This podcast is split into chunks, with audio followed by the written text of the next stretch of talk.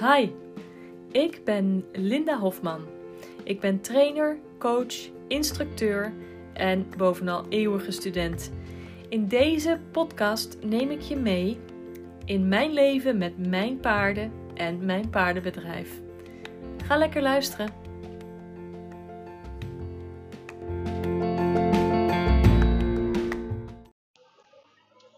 Zo, goedemorgen.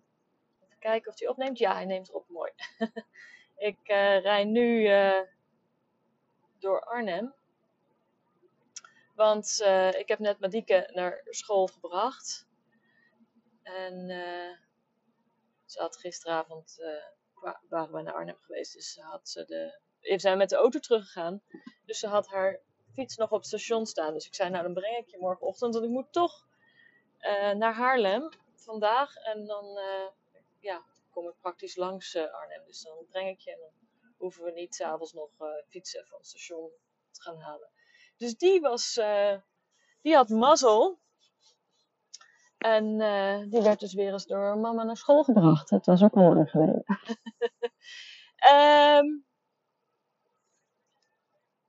ik heb een aantal afleveringen geleden heb ik um, nou niet aantal. Vorige aflevering heb ik, uh, vorige week maandag heb ik een aflevering opgenomen met een vraag van Jessie over um, hoe je de hulpen kan verfijnen bij jonge paarden. Maar ik had nog twee andere vragen ook gekregen. En Shona stelde mij de vraag, um, hoe ga je om met uh, trauma's bij paarden? Dus die ga ik vandaag beantwoorden. En um, hoe ga je om bij trauma's met paarden? Ja, dat is dat is wel een, een, een, uh, een, hele algemene vraag op een heel specifiek probleem. Want ieder trauma is anders. Ik kan een aantal dingen zeggen natuurlijk over trauma's in het algemeen. Uh, paarden kunnen niet praten, dus je weet vaak niet wat voor trauma's ze hebben. Tenzij je uh, toevallig weet of hebt gezien of het vermoeden hebt van iets. Ehm, zijn het vaak dingen die je niet zomaar uh, kunt achterhalen, zeg maar. Zeker niet als jij niet de eerste eigenaar bent en je paard vanuit de handel hebt gekocht of vanuit het buitenland hebt opgehaald. Of, een um, vorige eigenaar hebt die uh, er niet helemaal uh, helder over is geweest. Of het ook niet weet omdat het nog weer ouder is. Of zich niet heeft gerealiseerd dat er al een onderliggend trauma is. You, never know. En um, dan kunnen de trauma's kunnen natuurlijk ook op uh, uh, verschillende, uh, moet heel even opletten hier, dat ik de goede kant op ga, verschillende manieren ontstaan. Ik dacht dat ik hier de, oh, ze hebben dit allemaal omgelegd. Oké, nou, hij stuurt me de andere kant op dan dat ik denk dat ik op moet de ring van Arnhem Centraal, of Arnhem Binnenstad. En dan, eh, ik moet naar Haarlem. Ik dacht dat dan gaat hij mij over de over deze brug sturen. Maar ik denk dat hij me dan over de Joan Frostbrug gaat sturen. Ja. Um, anyway. um, Dus een trauma, die, uh, uh, ja, je, je weet het vaak niet. Want een paard kan je niet vertellen wat er is gebeurd en waar dat trauma dan zit. Dus opeens loop je tegen een trigger aan en denk je van, wat is het? Ligt dat aan mij?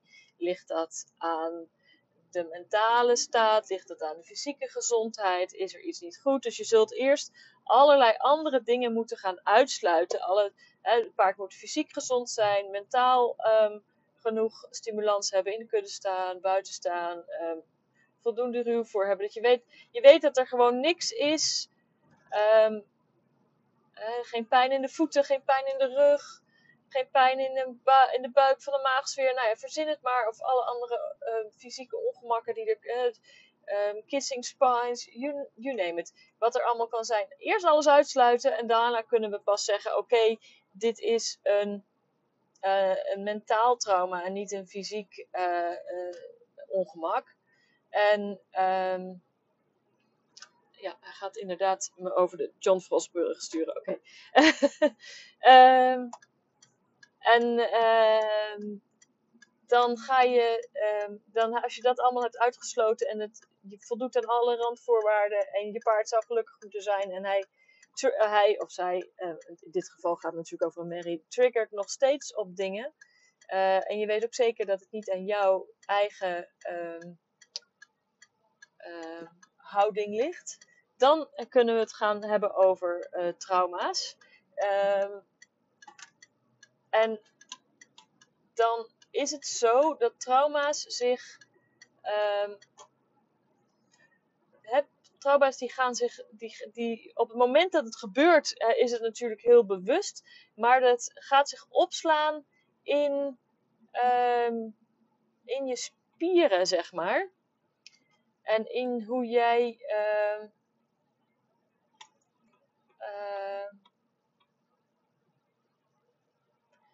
het, zoals net als bij mensen, het slaat zich op in je, in, je, in, je, in je zenuwbanen, in je spieren, in je spanning in je spieren. En soms heb je dan, als een trigger al lang, of een trauma al lang geleden is, of uh, in een staat is gebeurd waarop je vrij jong was, dus dat je het niet heel erg bewust hebt opgeslagen. Um, dus bij mensen zo, dan um, dan zit het in je onderbewuste en dus het is er wel. En het zit wel in je, in je spanning van je spieren en in je, in je um, fight, flight of freeze response. Uh, maar je, je, je kunt niet helemaal de vinger erop leggen waar dat dan vandaan komt. Nou, bij paarden kun je sowieso die vinger er niet op leggen, omdat uh, ja, uh, ze niet kunnen praten. Dus dan kunnen we wel onze vermoedens uiten.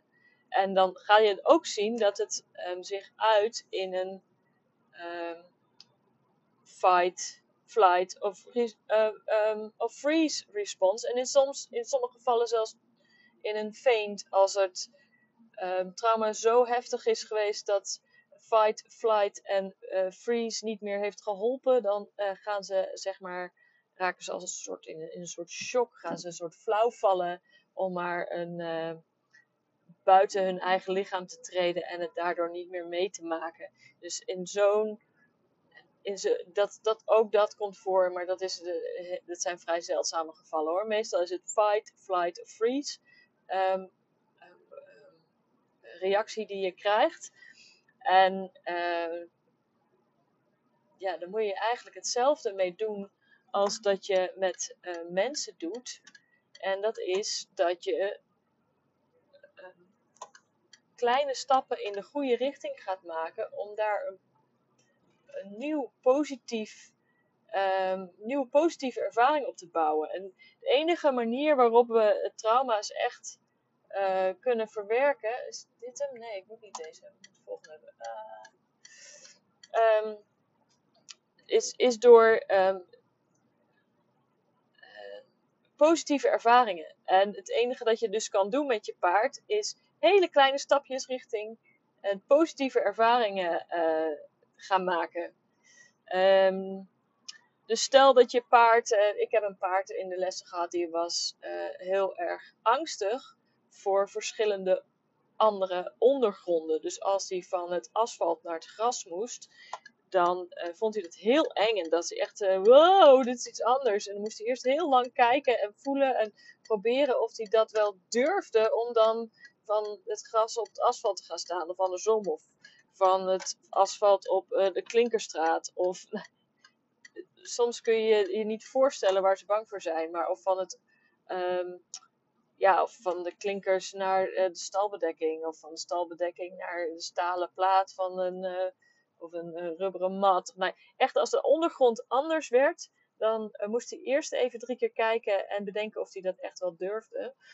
Um, dat kan zijn dat daar een, een, trauma achter zit. En dat is waarschijnlijk zo. Of het is gewoon nooit aangeleerd. En het paard heeft in zijn eerste jaren steeds op dezelfde ondergrond gestaan en nooit op een andere ondergrond. En op het moment dat hij vervoerd werd, hè, van, uh, dit is toevallig een Spanjaard, dus op het moment dat hij van Spanje naar Nederland vervoerd werd, dat hij opeens eh, op wel op een andere ondergrond in, een, uh, in de vrachtwagen moest. En uh, dat was allemaal heel eng en spannend. En uh, dus hij heeft alleen maar de ervaring dat je het veranderen van ondergrond, um, zo'n lange reis met al die spanning en vermoeidheid met zich meebrengt. Dus het enige wat je dan kan doen voor jouw paard is eindeloos oefenen je paard laten snuffelen aan de verschillende ondergronden. Dus ga hem niet zeggen, up erop, je moet het doen. Nee, geef hem de mogelijkheid om dan ehm, te ruiken, te snuffelen. En um, desnoods met, de, met, de, met het puntje van de hoef te proberen um, eventjes uh, erop te gaan voordat je uh, een release geeft, dus of een beloning geeft. En, en maak dat dan ook iets heel groots en heel, geweldig. En woe, woe, einde van de training. Dit is zo geweldig. Je hebt je één voet op, de, op het gras gezet, bij wijze van spreken. En voor je gevoel denk je echt, nou ja, wat is dit? Maar dat is zoals je um, met een trauma om kan gaan. Kleine, hele kleine stapjes in de goede richting. En steeds weer het geduld opbrengen om je paard de tijd te geven om te kijken, om te snuffelen, om even nieuwsgierig te zijn naar die nieuwe ondergrond. In plaats van dat ze volledig in de ankers gaan en de, het wit van de ogen laten zien. En oh, dit vind ik echt zo vreselijk eng. Nee, dan geef je ze de tijd om nieuwsgierig te zijn. Want een nieuwsgierig paard um, kan niet tegelijk ook angstig zijn. En daarmee leer je je paard dat hij zichzelf, uh, dat hij moedig kan zijn en dat hij dingen kan proberen zonder dat het meteen uh, afgestraft wordt en super eng en spannend is, maar dat er een beloning aan vastzit. Dus zo bouw je dat op. Nou, het paard van Shona weet ik toevallig, dat is een, uh, een Engels volbloed en het is een uh, geweest. Dus ook um, rondom het, um, het dekken, het, en het zal wel niet insemineren zijn geweest, want het Engels volbloeden, volbloeden worden volgens mij natuurlijk gedekt. Maar ook rondom de bevalling. Uh, het kan best zijn dat die hele achterhand en um, het steeds um, het weghalen van het veulen, dat daar alle, dat in, in dat emotionele aspect, uh, dat daar um, een trauma zit. Maar het kan ook zijn dat het gewoon puur in. het kan zijn dat bevallingen niet goed zijn gelopen, dat, er, dat ze ja, nou dat, heet, dat er ook zeg maar in die hele baarmoeder, uh, vulva, achterkant, uh, dat daar een, een, trauma zit van, van de bevallingen en van de dracht. En dat weet je niet, want je hebt het paard in de handel gekocht. Dus je weet alleen maar dat ze fokmerrie is geweest. Maar dat zijn dan wel dingen waar je iets mee kunt. Ehm, ja, je kunt iets met, uh, met, uh, met magnetiseren, met chakra's, met uh, masseren. Um, kijken of je rustig aan steeds een beetje meer kan belonen ook. En aan, de, aan, de, aan die achterkant mag komen. überhaupt. Want sommige merries vinden dat helemaal niet fijn. Zeker niet als ze hengstig zijn. Dat je daar überhaupt aankomt. Dat je aan de uh, uiers mag komen enzovoort. En dat je aan de billen mag komen, dat je aan de staart kan zitten. Dus dat zijn dingen die je ook heel langzaam kunt opbouwen. En daarnaast is het ook zo dat uh, het steeds weghalen van dat veulen, dus dan dat je alleen komt te staan, dat je, alleen, dat je veulen hebt en het veulen wordt weer bij je weggehaald. Ook daar kan emotioneel een trauma zitten. En toevallig weet ik dat, als Shona, een student van mij, dat haar paard heel erg verlatingsangst heeft. Uh, heel erg paniekerig gaat doen op het moment dat, je uit de kudde, uh, dat zij uit de kudde weggaat. Of dat een kuddegenoot uh, een buitenrit gaat maken. Dan kan ze helemaal over de pis gaan.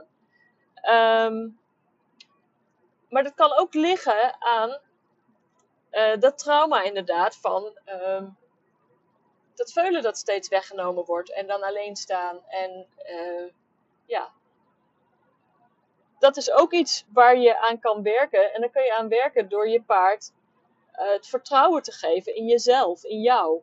En dat op het moment dat, dat weggaat, dat dat niet betekent dat ze nu weer alleen zijn, dat ze voor altijd weg zijn. Maar dat als jij er bent, dat het ook oké is.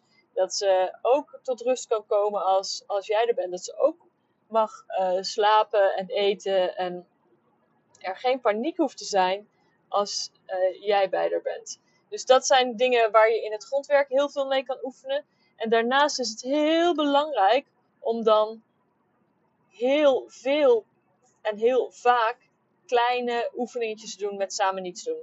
Gewoon naar je paard toe gaan, samen in de wei zijn, dat jij de wacht neemt, dat jij um, het overzicht hebt. En dat zij rustig kan eten, rustig kan slapen. En dus nooit geen boekje zit te lezen, maar je houdt ook de omgeving in de gaten. Maar je zorgt dat je er bent. En dat zij ook bij jou de rust kan vinden. En hoe meer ze het vertrouwen heeft in jou, hoe makkelijker het gaat zijn om samen met jou naar buiten te gaan. Of uh, om er um, tegen te kunnen dat um, een ander paard uit de kudde weggaat zonder dat het meteen uh, uh, paniek is. Hè? Zeker als jij er ook bij bent. Dus um, ga daar dan mee experimenteren dat je er bent als de ander weggaat, zodat je jij dan even die taak over kan nemen. Of uh, ja, dit, er zijn dus heel veel kleine stapjes te nemen. Maar dit is wel die verlatingsangst en die uh, uh, het bij de kudde en bij je vriendjes willen zijn. En je het eng vinden om alleen uh, weg te gaan. Of als iemand van je weggenomen wordt. Dat is natuurlijk een hele basale angst. Sowieso kunnen paarden niet goed tegen alleen zijn. Dus ehm, ja, en, en die moeder-veulenband die Mary Veulenband, die is natuurlijk heel sterk. Dat is net als bij, uh, bij mensenkinderen. Hè? Dat, dat is, een, dat is een kuddesysteem met wilde paarden. bestaat uit merries met hun merrieveulens en hun, uh, uh, hun hengstveulens tot een maand of acht. En dan worden ze weggejaagd. Maar, dus dat is echt een, een matriarchaal familieverband. Hè? Dus met de moeders de moeders met hun dochters en daar weer de dochters van en dan een hengst of, een, uh, of meerdere hengsten die er op, afstand bij lopen. Maar, uh, maar niet, uh, die zijn dan niet familie. Maar de, die moederband die is dus heel sterk met die merrieveulens. Dus het, als je bij een fokmerrie vaak de veulens weghaalt, en zeker als ze dat al jong gaan doen, al met een maand of drie, vier, al uh, afgespeend worden, dan is dat gewoon traumatisch. En dat zie je dat ze de. Uh, zeg maar die, die, die, die hechting van die moeder aan dat veulen, dat, ja, dat dat ook kapot gaat. Want die moeder die raakt daarvan ook in paniek, die gaat ook staan gillen. Sowieso zou ik ervoor kiezen om uh, laat af te spenen. Of misschien zelfs uh, veulen gewoon in de kudde erbij te lopen. In principe gaat de moeder vanzelf een keer zeggen: en nu is het klaar met drinken. Als je nou echt het idee hebt dat je merrie er aan, onderuit aan onderdoor gaat omdat het veulen maar blijft drinken en de merrie geen grens aangeeft, dan kun je wel eerder afspenen. Maar ik, ik, ik zou het sowieso als je gaat afspenen niet doen voordat ze een half jaar tot acht maanden zijn. Uh, en als je dat al wil afspenen, ja, misschien is het, is het wel helemaal niet nodig. Hè? Zeker als je het veulen zelf gaat houden. Waarom zou je het dan doen? Laat lekker lopen. Um, maar ja, dat is het dus voor een, uh, voor een, uh, een, een merrie die uh, als fokmerrie gebruikt is en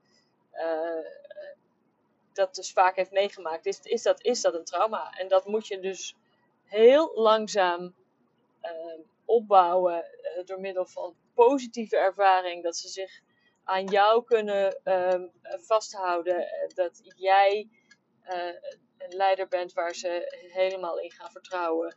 Dat ze ook op het moment dat hun vriendje uit de kudde weggaat, gewoon ehm, bij jou in de buurt zijn en weten: oké, het is goed en het is niet het einde van het verhaal. Maar dat, dat is wel iets wat gewoon tijd kost en wat heel veel oefening kost. Dat je heel veel moet doen.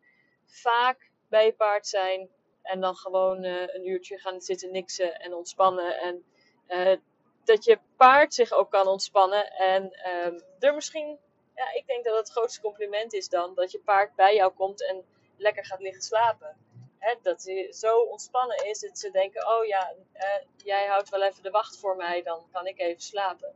En ik, ik zou zeggen: ga daar naartoe werken dat jij de wacht houdt en dat je paard ehm, zich kan ontspannen. En laat je vooral zelf uh, niet opjutten. Dus ga niet beginnen met dit soort oefeningen te doen als de kuddegenoot waar ze zich helemaal aan ophangt al weg is. Maar doe dat als de kudde gewoon intact is en bouw dat zo op. En dan uh, ga je dat afspreken met degene van wie het paard is. Um, waar ze zich zo aan, aan ophangt, dat, dat die het paard even eerst gewoon heen en weer loopt over, over de weg voor de wei. En daarna uh, terwijl jij in de wei staat. En dat zo langzaam verder uitbreidt. Zodat je ook de kans hebt om het op te bouwen. Want dit is gewoon een heel langzaam proces. Um, ja, dus dit is mijn verhaal over trauma's met paarden. Trauma's bij paarden, maar het is altijd heel individueel, want ieder paard heeft natuurlijk een ander trauma. Uh, en soms weten we niet wat voor trauma. Lopen we opeens tegen triggers aan en moeten we dat uh, gewoon stapje voor stapje uh, uitbouwen. En het paard heel veel vertrouwen geven. En hoe meer vertrouwen het paard in jou heeft, hoe makkelijker het is om uh, dit soort dingen op een positieve manier op te lossen. Maar het gaat altijd vanuit, een, vanuit vertrouwen en rust. En hele kleine stapjes. Want het moet. het, is een, het is een een, uh, een fysieke reactie. Het is echt een spieren, zenuwen, hormonale reactie zeg maar, van het lichaam als het trauma zo diep zit um, op de situatie. En dat kan alleen maar door met hele kleine stapjes hele positieve ervaringen er tegenover te zetten, zodat je langzaam dat uit kan bouwen. En dat kost heel veel geduld en tijd en um, kennis en ervaring um, in paardengedrag om dit goed op te lossen. Dus, nou, dat was de, uh, uh, de mijn antwoord op de vraag van Shona: hoe ga je om met trauma's bij paarden? Nou, het is afhankelijk van het trauma, maar de basis is altijd positieve ervaring opbouwen en jouw paard het vertrouwen geven in jou en dan kleine stapjes verder uitbouwen. Alright dit is het voor vandaag. Um, nou, de volgende aflevering zal ik de vraag van Ingrid beantwoorden. Dat was um, um, wat je kan doen als uh, je met een uh, massage of ontspannende oefeningen na je training. dus dat is voor de volgende keer. Voor nu was dit het. Dag dames, doeg!